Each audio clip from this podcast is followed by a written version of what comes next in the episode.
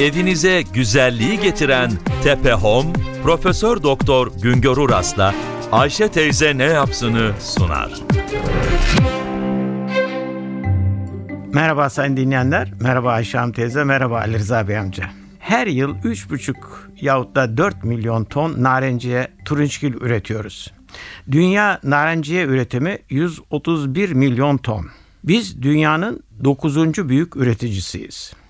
Üretimimizin yarıya yakını %48'i portakal, %25'i mandalina, %20'si limon, %7'si greyfurt. Ülkemizde toplam narenciye üretiminin %70'i aşkın bölümü Çukurova'da, %20'ye yakını Antalya ve civarında, %5'e yakını da İzmir çevresinde oluyor. Dünyada yılda 12 milyon ton narenciye ticareti var. Türkiye yılda 900 bin ton, 1 milyon ton dolayında ihracat ile dünya dış ticaretinde 5. sırada. En büyük ithalatçı ülke yılda 1,5 milyon ton narenciye ithal eden Rusya. Ondan sonra Fransa, Almanya, Hollanda, İngiltere geliyor.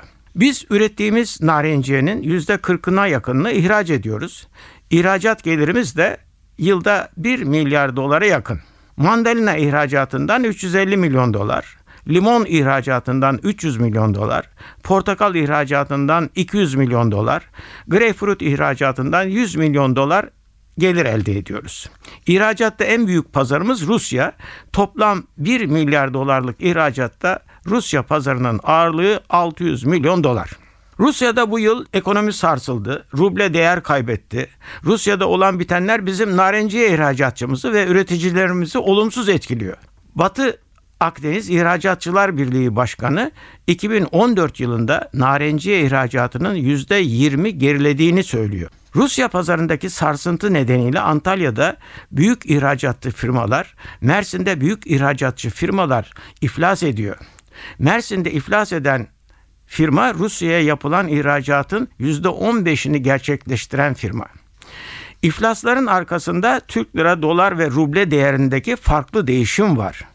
İhracatçı firmalar rublenin değer kaybına bağlı olarak zarara uğrayınca üreticiye narenciye bedeli ödemelerini yapamıyorlar. Sonunda fatura üreticinin sırtına biniyor. Adana Turunçgil Üreticileri Birliği iflaslar nedeniyle ihracatçıdan alacağı olan çok sayıda üreticinin güç durumda olduklarını söylüyor. Bir başka söyleşide birlikte olmak ümidiyle şen ve esen kalınız sayın dinleyenler.